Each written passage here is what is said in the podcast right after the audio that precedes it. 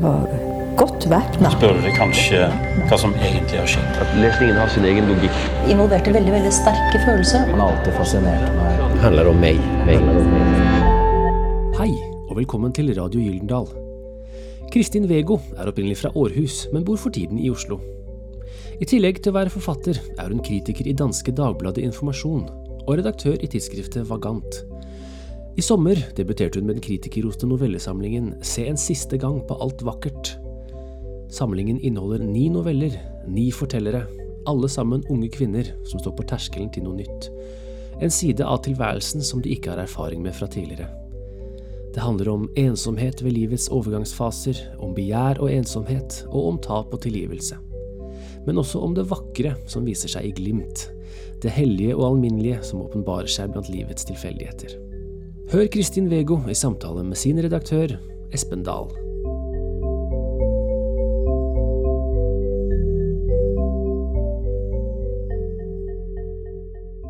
Velkommen, Kristin.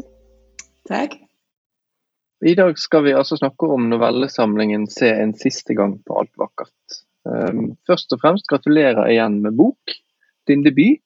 Ja, takk. Um, nå begynner det jo plutselig å bli en liten stund siden den kom ut. Den kom i august. Eh, så jeg skal gjenta et spørsmål jeg stilte deg da den nettopp var kommet. Eh, du er jo et menneske som jobber med litteratur, både som kritiker og redaksjonsmedlem i Vagant. Men hvordan har det vært for deg å debutere som forfatter? Øhm, um, nå kan jeg ikke huske hva jeg svarte den gang, men uh, jeg er meget, uh, meget glad for at bogen er blevet anmeldt, og at den har fået flere anmeldelser, og det har været meget interessant at læse. Um, jeg tror, at fordi jeg arbejder som kritiker i Danmark, så uh, har det været lidt en befrielse at debutere skønlitterært i, i et andet land, i Norge. Altså jeg er en Mm. lille smule på afstand fra øh, øh, kritikerstanden i Danmark. Øhm, og jeg tror, nu har jeg, jeg har fået nogle rigtig fine anmeldelser, som jeg har været rigtig glad for. Øh, men jeg læser dem jo også lidt som anmelder selv. Jeg kender genren rigtig godt. Mm. Øh, Jeg har skrevet mange anmeldelser. Jeg elsker at skrive anmeldelser selv. Øh, så øhm, jeg ved ikke, om jeg... Hvis jeg havde fået øh, mange negative anmeldelser, så ville det nok have påvirket mig på en anden måde. Men jeg har en forestilling om, at jeg måske øh, forholder mig til anmeldelsesgenren med en vis distance, fordi jeg kender den Mm. fra den anden side. Øhm, så hvis der er noget, jeg... Øh, ja, hvis der er nogle øh, forbehold, eller noget, som undrer mig, eller som jeg er uenig i. Ikke, at der har været det særlig meget, men øh, så øh, kan jeg se det lidt sådan, som når jeg skriver anmeldelser selv. Altså, jeg forstår Mm. det subjektive i det, og øh, ja, jeg synes, det har været enormt interessant at se, hvad folk har skrevet, og hvad de har slået ned på. Men er denne distansen også litt fordi du på noen måter utgir en bok som er utenfor ditt vante litterære kretsløp i Danmark, så å si? Ja, på en måte? Ja, det Ja. tror jeg. Og det er Mm. meget behageligt. Det er altid behageligt at være lidt på, lidt på udsiden. Det er derfor, det er dejligt Ja. at, være, at være dansk i, bosat i Norge, fordi man er lidt på udsiden. Men du debuterer med en novellesamling. Hva var det med novelleformatet som, som virket appellerende på deg? Altså novelle, novellegenren var den første genre, jeg fandt, som gjorde det muligt for mig at skrive med min stemme, tror jeg. Mm. Altså, øhm, jeg har altid skrevet meget som barn og øh, teenager op igennem 20'erne, men har haft svært ved at finde min form og min stil. Og har ofte øhm, læst mange forskellige bøger, og så er jeg begyndt at skrive ligesom mange forskellige forfattere, og har ligesom haft svært ved at finde ud af, hvad der var min egen stemme. Og så har jeg jo læst noveller op igennem mit liv, altså i folkeskolen og på videregående. Men på et eller andet tidspunkt i midten af 20'erne, så stødte jeg på novellegenren igen, og begyndte at læse øh, den øh, med stor interesse. Og mm opdagede enkelte forfattere, som øh, noveller kan jo være tusind ting, men for mig var det den tyske forfatter Judith Hermann, som fik mig interesseret i genren til at begynde med. Øh, og jeg skrev min master om hende, og har også interviewet hende flere gange, og har været meget optaget af hendes forfatterskab. Mm. Og der begyndte jeg at skrive noveller selv. Og da jeg skrev den første, oplevede jeg, at jeg fandt en form. Altså det er en forholdsvis overskuelig længde. Øh, det er en genre, som ikke ligger op til de store øh, handlings, skal man sige, store dramatiske øh, plot twists, men man kan slippe afsted med at fokusere på de små nære ting, som er det, der interesserer mig. Så øh, det var meget befriende at finde den, den form og den genre. Og så skrev jeg den første novelle, og så skrev jeg vel egentlig de, de næste otte, den ene efter den anden, over en årrække. Øh, mm. Øh, og, og oplevede, at det var en, øh, en form, som gjorde, at jeg kunne skrive med den stemme, som føltes rigtig. Boken din består av ni av disse novellene. og en av de flere tingene som knytter disse novellene sammen, er at de alle er befolket av uh, unge kvinner som nærmer seg 30. Mm. Hvorfor ble det sånn? jeg tror, det enkle svar er at jeg selv er en, jeg er lige fyldt 30 selv. Mm. Så jeg har jo været en ung, en ung kvinde, som nærmer sig 30, mens jeg har skrevet novellerne.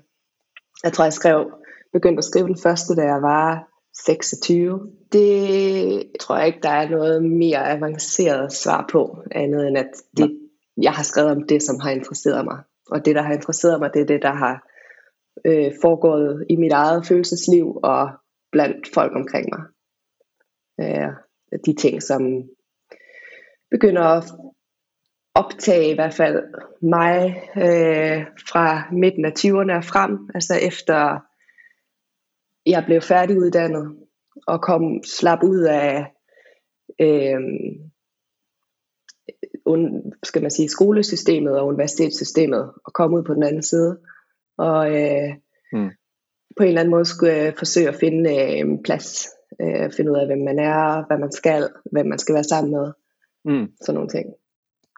Ja, Da er vi litt inne på det jeg ville frem til, at novelle tematiserer grenser, på en måte, eller endring og mm. transformasjon. Yeah. Sånn som i overgangen fra 20 til 30-årene, som vi er inne på.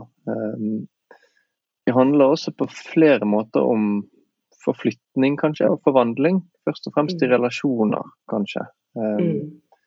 Men ikke bare relasjonelt, også geografisk. For handlingen i, i disse novellene finner sted i bl.a. Norge, Tyskland, Danmark, Wales, Italia og England, bl.a.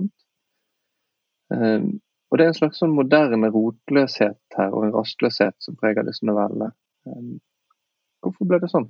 Altså, jeg tror at de ting henger litt sammen, det relasjonelle og stederne. Mm. Um, mange af novellerne, som du siger, handler om relationer i forandring, og det er jo noget af det, der har interesseret mig, noget af det, der kan ske, når man er i den livsfase, øh, netop fordi man, altså hvis du går på videregående, hvis du går på universitetet, så har du en øh, fast omgangskreds, som er knyttet til det sted. På den anden side af det, så finder folk sammen i parforhold og starter familier og får sig job og får kolleger og flytter væk så det, der handler om venskaber i forandring og parforholdsrelationer i forandring, ligger ligesom i, øh, i den alder der. Øhm, og der er en vis melankoli, tror jeg, i mange af mm. teksterne. Det ligger også lidt, lidt i titlen. Øh, I forhold til øh, de her relationer, som forandrer sig. Og det er der også i hvad skal man sige, grund, grund til, at jeg har skrevet om de her forskellige steder, er fordi det er steder, som betyder noget for mig. Typisk steder, jeg har boet. Flere mm. steder, som jeg har boet som øh, tenåring. Og, eller steder, jeg har besøgt. Og som jeg har skrevet om, fordi jeg savner dem. Altså mm. England og Wales, hvor jeg har boet for 15-17 år siden, af steder, som jeg øh, har et øh, intenst øh, lidt sådan romantisk, melankolsk forhold til, for jeg har ikke været der, siden jeg boede der. Mm. Men det er derfor, jeg har, jeg har skrevet om det, for jeg har... Øhm, det er ikke lige så spændende eller lige så inspirerende for mig at skrive om Jylland. I hvert fald ikke endnu. Det kan være, det bliver det senere. Men altså der, hvor jeg er fra. Mm. Men men det er meget øhm, tiltrækkende for mig at skrive om den engelske landsby, for eksempel. Mm. Eller skrive om den, den øh, det norske landskab, eller Berlin. Øh, altså steder, som jeg har tilbragt tid, og også nogle steder, som jeg til en vis grad har mistet, eller ikke har været til, hvor jeg ikke har været i lang tid. Mm. Øh, også fordi de steder er knyttet til bestemte tidspunkter i mit liv. Altså jeg kan sagtens rejse tilbage til nogle af de steder, men det vil ikke være de samme steder, som det var dengang. Så jeg tror, at øh, ja, der er en vis melankoli.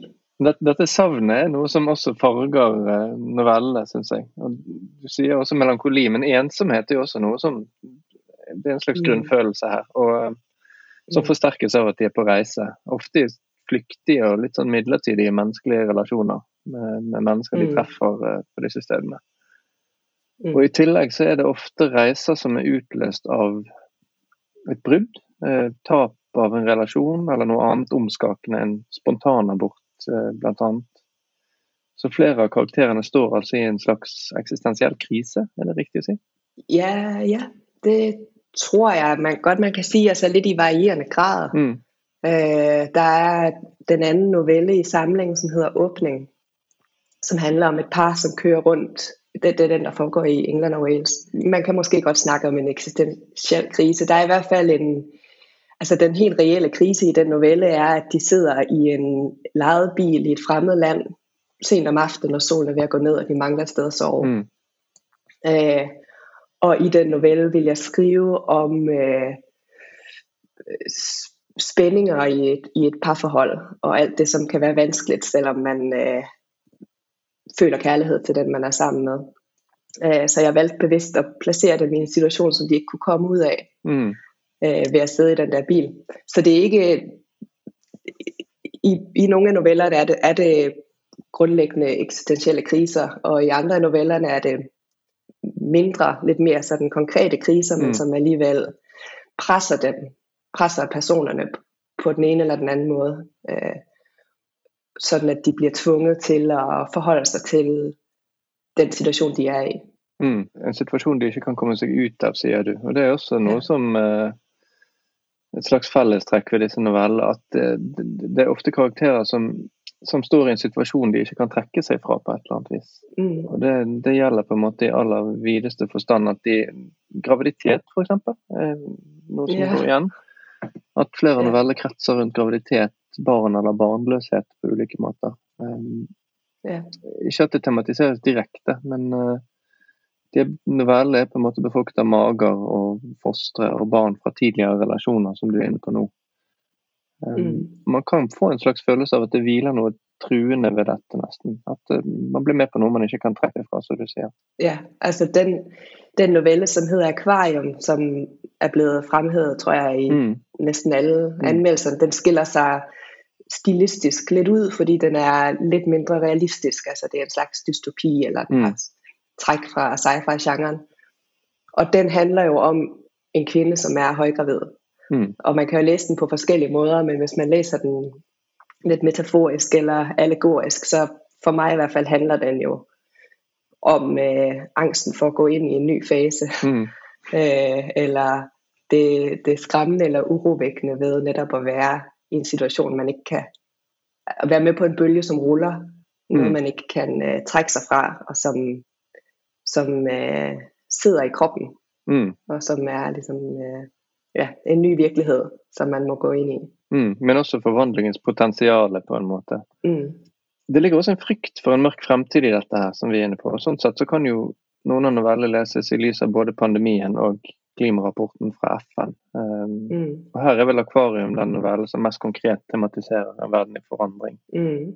En verden der mennesker plutselig slutter å se hverandre i øynene, f.eks.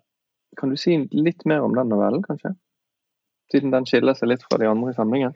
Ja, altså den, øh, det er en af de noveller, som blev skrevet grundigt om Mm. i selve redigeringsfasen. Der er nogle af novellerne, som er mere eller mindre, som de var, da bogen blev antaget, og så er der enkelte, som er skrevet meget om, og den er skrevet meget om, og jeg skrev den om i første fase af pandemien. Mm. Og det er helt åbenlyst, tror jeg, man kan mærke, når man læser den. Ikke at den handler om corona, men den handler om angst. Jeg arbejdede med den i marts, april, maj 2020, altså da vi alle sammen sad og var isoleret. Jeg var stok i København og kunne ikke komme til Norge, fordi grænsen var lukket.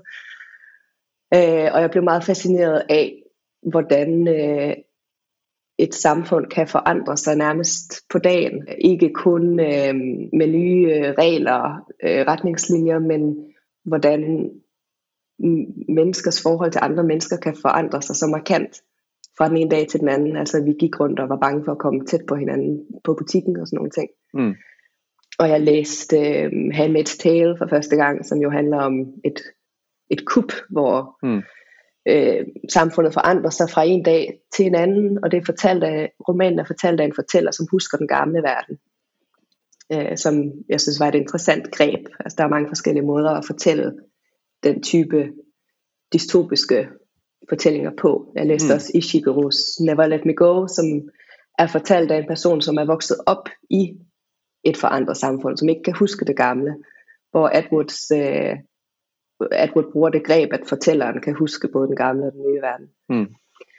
Øhm, så det var noget af det, der interesserede mig på det tidspunkt. Altså hvordan, øhm, hvordan menneskers forhold til andre mennesker kan forandre sig mm. så markant øh, på ingen tid. Det var jo enormt øh, skummelt og skræmmende. Um, du gjør jo en ganske interessant vri av dette i uh, novellen 'Be My Baby'. Ja. På, på liten flate, så å si. Uh, kan du si litt om den? Det, det er den anden, som stikker sig lidt ud. Som mm. ikke, som er, eller der er et par stykker, hvor, som, som uh, strækker realismebegrebet en lille smule, og det er en af dem. Um, nej, den handler om en kvinde.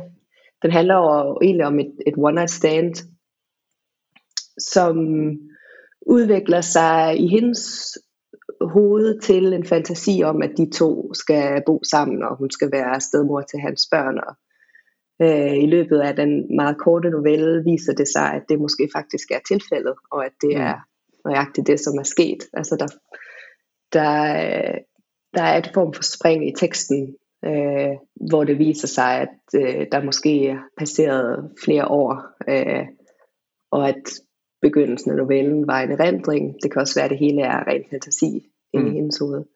Øh, men det er i hvert fald sådan en, øh, en forestillingsverden. Mm. Uh, et sidste spørgsmål her. Uh, det fortidige, altså det som har skjedd, det spiller en stor rolle i flere av disse novellene. Enten i form av noe som har utløst reisen karakterene befinner seg midt i, eller uh, som i åpning der uh, en karakter grunner over kjærestens tidligere samliv med en annen og deres felles barn. Um, en annen karakter ser tilbake på sommeren da uskylden gikk tapt. Jeg tror mange af novellerne handler om små nedslag, som gør indtryk på personerne, og som de bærer med sig. Så havde jeg tænkt tidligere i dag på den novelle, som hedder Arapasis, mm. som foregår i Rom, som handler om en, en ung kvinde, som tilbringer en dag med en, en midalderne mand, en fremmed mand, hun møder, og så går de og snakker sammen og øh, tilbringer en øh, eftermiddag sammen. Og jeg snakkede med min far og min søster, som begge to havde læst den, mm. og overhørt de to sidde og diskutere, hvorvidt den unge kvinde og den øh, midalderne mand ville indlede et forhold eller ikke. Mm. øhm, og og det ligger jo måske som et potentiale i novellen, men for mig øh, slog, det slog mig, da jeg hørte dem snakke om det. Øh, for mig er det ikke så meget det, den handler om. Altså, den handler mere om et, et møde mellem mennesker, som gør indtryk, og som sætter sig, og som mm. hun i hvert fald vil komme til at huske. Og det er jo det samme øh, i den sidste novelle, du nævnte, titelnovellen, hvor vi følger en 14-årig pige, og så er der et spring i tid, øh, til hun er voksen, og hun, øh, vi finder ud af, at det vi har læst om, om den sommer, da hun var 14, er et tilbageblik. Det er noget, hun står og husker. Det er noget, der har, har mm. sat sig og gjort indtryk. Jeg kan, øh, vi kan gå lidt tilbage til dette rotløse, som vi snakket om i starten. For du har, du har skrevet denne boken to ganger, på sett og vis. Du først skrev det på dansk, og så har du oversat selv til norsk. Um, hvordan var det å oversette din egen tekst til norsk, og endret novelle seg da du jobbet med oversættelsen i særlig stor grad? Øh, ja, altså det var øh, ret fantastisk at oversætte dem, og arbejde med at oversætte dem. Jeg skrev dem jo først på dansk, og så har jeg redigeret dem, arbejdet dem om, også på dansk. Og relativt sent i den proces oversatte jeg dem til norsk, som jo er et, et det er min, min mor er norsk, og det er et sprog, jeg mm. øh, jeg kan ikke få det ud af min mund, så det lyder norsk, men jeg har det inde i, inde i hovedet. Øhm, men det var helt fantastisk at oversætte, mm. selvom de to sprog ligger meget tæt på hinanden. Øhm, men man bliver tvunget til at forholde sig til hver enkelt sætning på en ny måde, og faktisk se, hvad der står.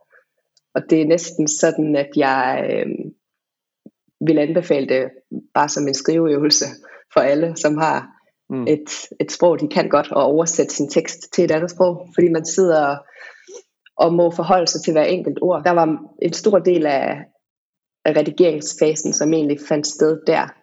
Altså at jeg mm. øh, tog sætning for sætning og fandt ud af, hvad jeg kunne skære fra, og hvad jeg kunne bytte rundt på, hvilke ord jeg kunne bytte ud til noget mere præcist. Sådan nogle ting. Øhm, og så er der også noget med rytme og tone og stemning, som på en eller anden måde faldt på plads, synes jeg, da jeg oversatte mm. det. Altså jeg var bange for, at jeg ville miste teksterne lidt. At, jeg ville, øhm, at bogen ville udkomme, og så ville jeg føle, at det ikke var mig, der havde skrevet den, fordi det ikke var mit mm. sprog. Men fordi jeg har siddet og oversat det selv, og fået det til at falde på plads, nøjagtigt sådan, som jeg vil have det, øhm, så synes jeg, at det er, det er blevet en, en norsk bog, og novellerne er, er faldet på plads egentlig i den sidste oversættelsesfase. Mm. Så det var, det var rigtig givende arbejde. Du lurer på, om du kan læse lidt ut? Som ja. en slags afslutning, så får vi høre lidt af dette. Jeg tænker bare at læse de første sider. Første par sider i den første novelle. Ja. Øhm, det er ikke øh, de mest sådan øhm, handlingsdrevne men det her det er åbningen på bogen. Den første novelle hedder Vinter. Nu står de på toppen af bakken igen, tre på rad. Hver gang jeg ser ud, befinder de sig på et nyt sted. Altid sammen. Den sorte bagerst slår stille med halen. De to brune foran står med hovederne bøjet og undersøger jorden. Jeg ser dem sjældent ligge ned. En gang imellem går de, langsomt, den ene efter den anden, til et nyt sted i indhegningen. Da jeg vågnede i morges, havde køerne sne på sig. Forunderlige dyr. De har tyk, krøllet pels og bløde ører. Måske er de søstre. De står med bagenden mod vinden. Er der sol, vender de de store hoveder mod solen. Nogle gange, når det regner, står de tæt sammen i et læskur nederst på jorden. Eller de står bare urørlige i regnet og bliver våde. De kan stå stille i en evighed, og så pludselig bevæge sig, som om de har en plan. De har sin egen rytme, som er helt uafhængig af min. Alligevel bebor vi dette lille sted sammen. Hanna kommer hjem kvart i et. Jeg hørte kirkeklokkerne ringe for 40 minutter siden. Der er så stille her. Lydene bliver båret langt. Hun må have gået ind om markedet på vej hjem, på vej hjem fra gudstjenesten. Hun tramper sneen af støvlerne på måtten uden for døren og kommer ind med røde kinder. Sidder du her fortsat, siger hun. Tonen er ikke bebrejdende. Hun virker fraværende, oprømt. Noget levende spiller i hendes øjne, mens hun lukker yderdøren efter sig. Hun har et net med madvarer over skulderen. Hun sætter sine støvler på avisen ved døren og lægger den røde hue til tørre på stengulvet. Du skulle have været med, siger hun, og trækker med sig frisk luft ind i stuen på vej ud til køkkenet. I dag snakkede han om renselse. Huset er ikke meget større end en hytte. Der er ingen døre mellem rummene.